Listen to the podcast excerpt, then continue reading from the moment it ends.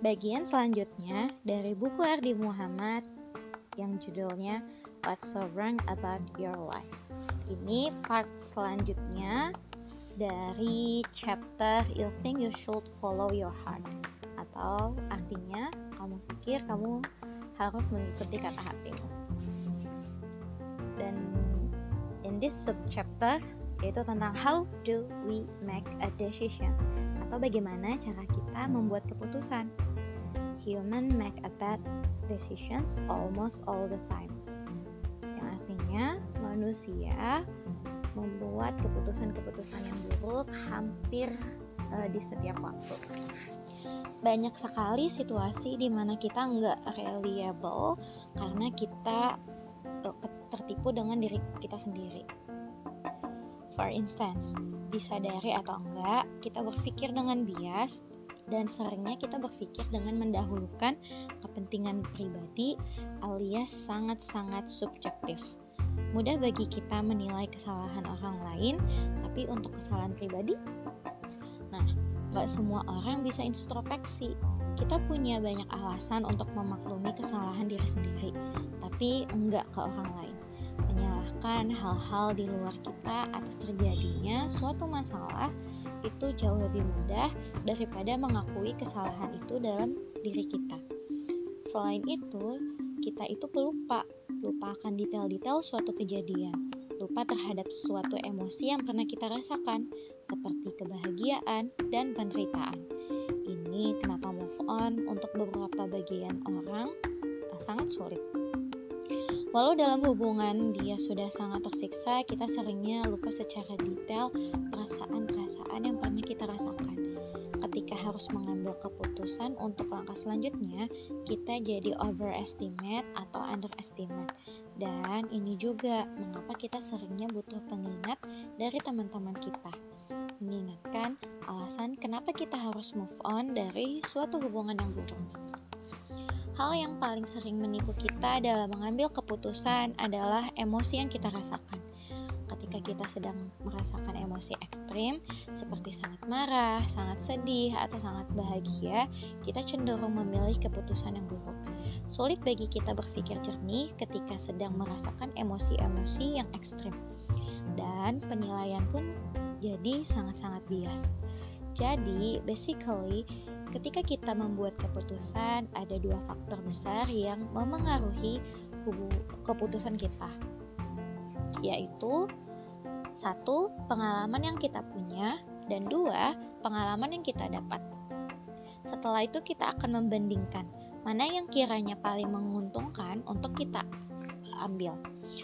Nah, cuma masalahnya, seperti penjelasan yang penulis uh, utarakan sebelumnya, pengalaman yang kita punya kadang terbatas prematur uh, alias sangat sementara dan sangat subjektif alias hanya berpandangan pada opini diri sendiri tanpa melihat uh, inti masalahnya.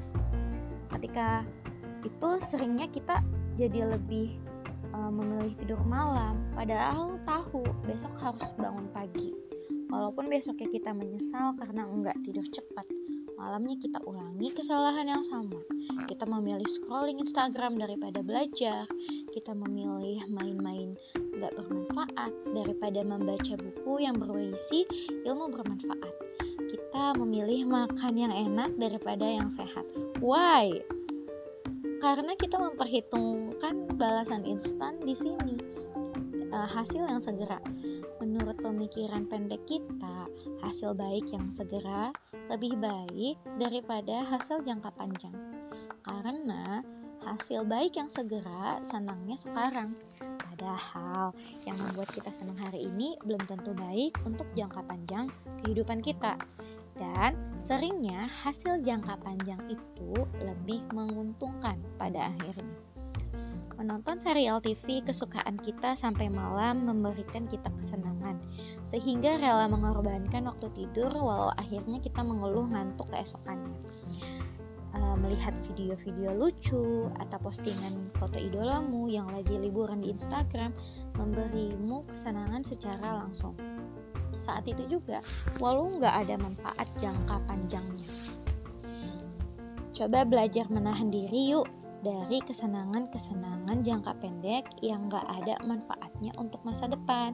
Ya seperti tadi ya, scrolling Instagram, nonton sampai malam, dan lain sebagainya. Menurut kita, terus-terusan main Instagram itu nggak memberikan efek buruk nih. Ini kan pandangan subjektifnya. Nah, pandangan subjektifnya itu justru memberikan pengalaman yang menyenangkan kalau main Instagram uh, secara terus-menerus. Tapi nih, sayangnya pada saat itu juga pengalaman kita nggak tahu efek terusan-terusan main Instagram itu akan memberikan hal yang buruk ya. Di mana kita uh, pada intinya hanya memberikan kesenangan secara langsung. Jadi intinya kita cuma pengalaman not the knowledge atau pengetahuan. Makanya peran pengetahuan itu penting banget nih dalam mengambil, keputusan. Jadi, ketika kita tidak memiliki pengalaman yang cukup, kita bisa mengandalkan pengetahuan yang ada. Misal, kita mencari tahu dampak dari e, bahayanya main Instagram terlalu sering dan lama. Waktu ideal bermain media sosial tuh seperti apa sih lamanya atau pengetahuan lainnya yang terkait. Kalau kita tahu ilmunya dari awal, kita bisa mencegah mengambil keputusan yang salah. Lalu, jangan lupa jadikan ilmu itu sebagai dasar ya. Jadi, bukan hanya perasaan. Jadi, perasaan senang sementara yang diperoleh dari Instagram itu hanya uh, kesenangan jangka pendek. Padahal secara menurut ilmu main Instagram terus-terusan itu memberikan dampak buruk baik durasi lama, kesehatan maupun tingkat produktivitas kita. thank you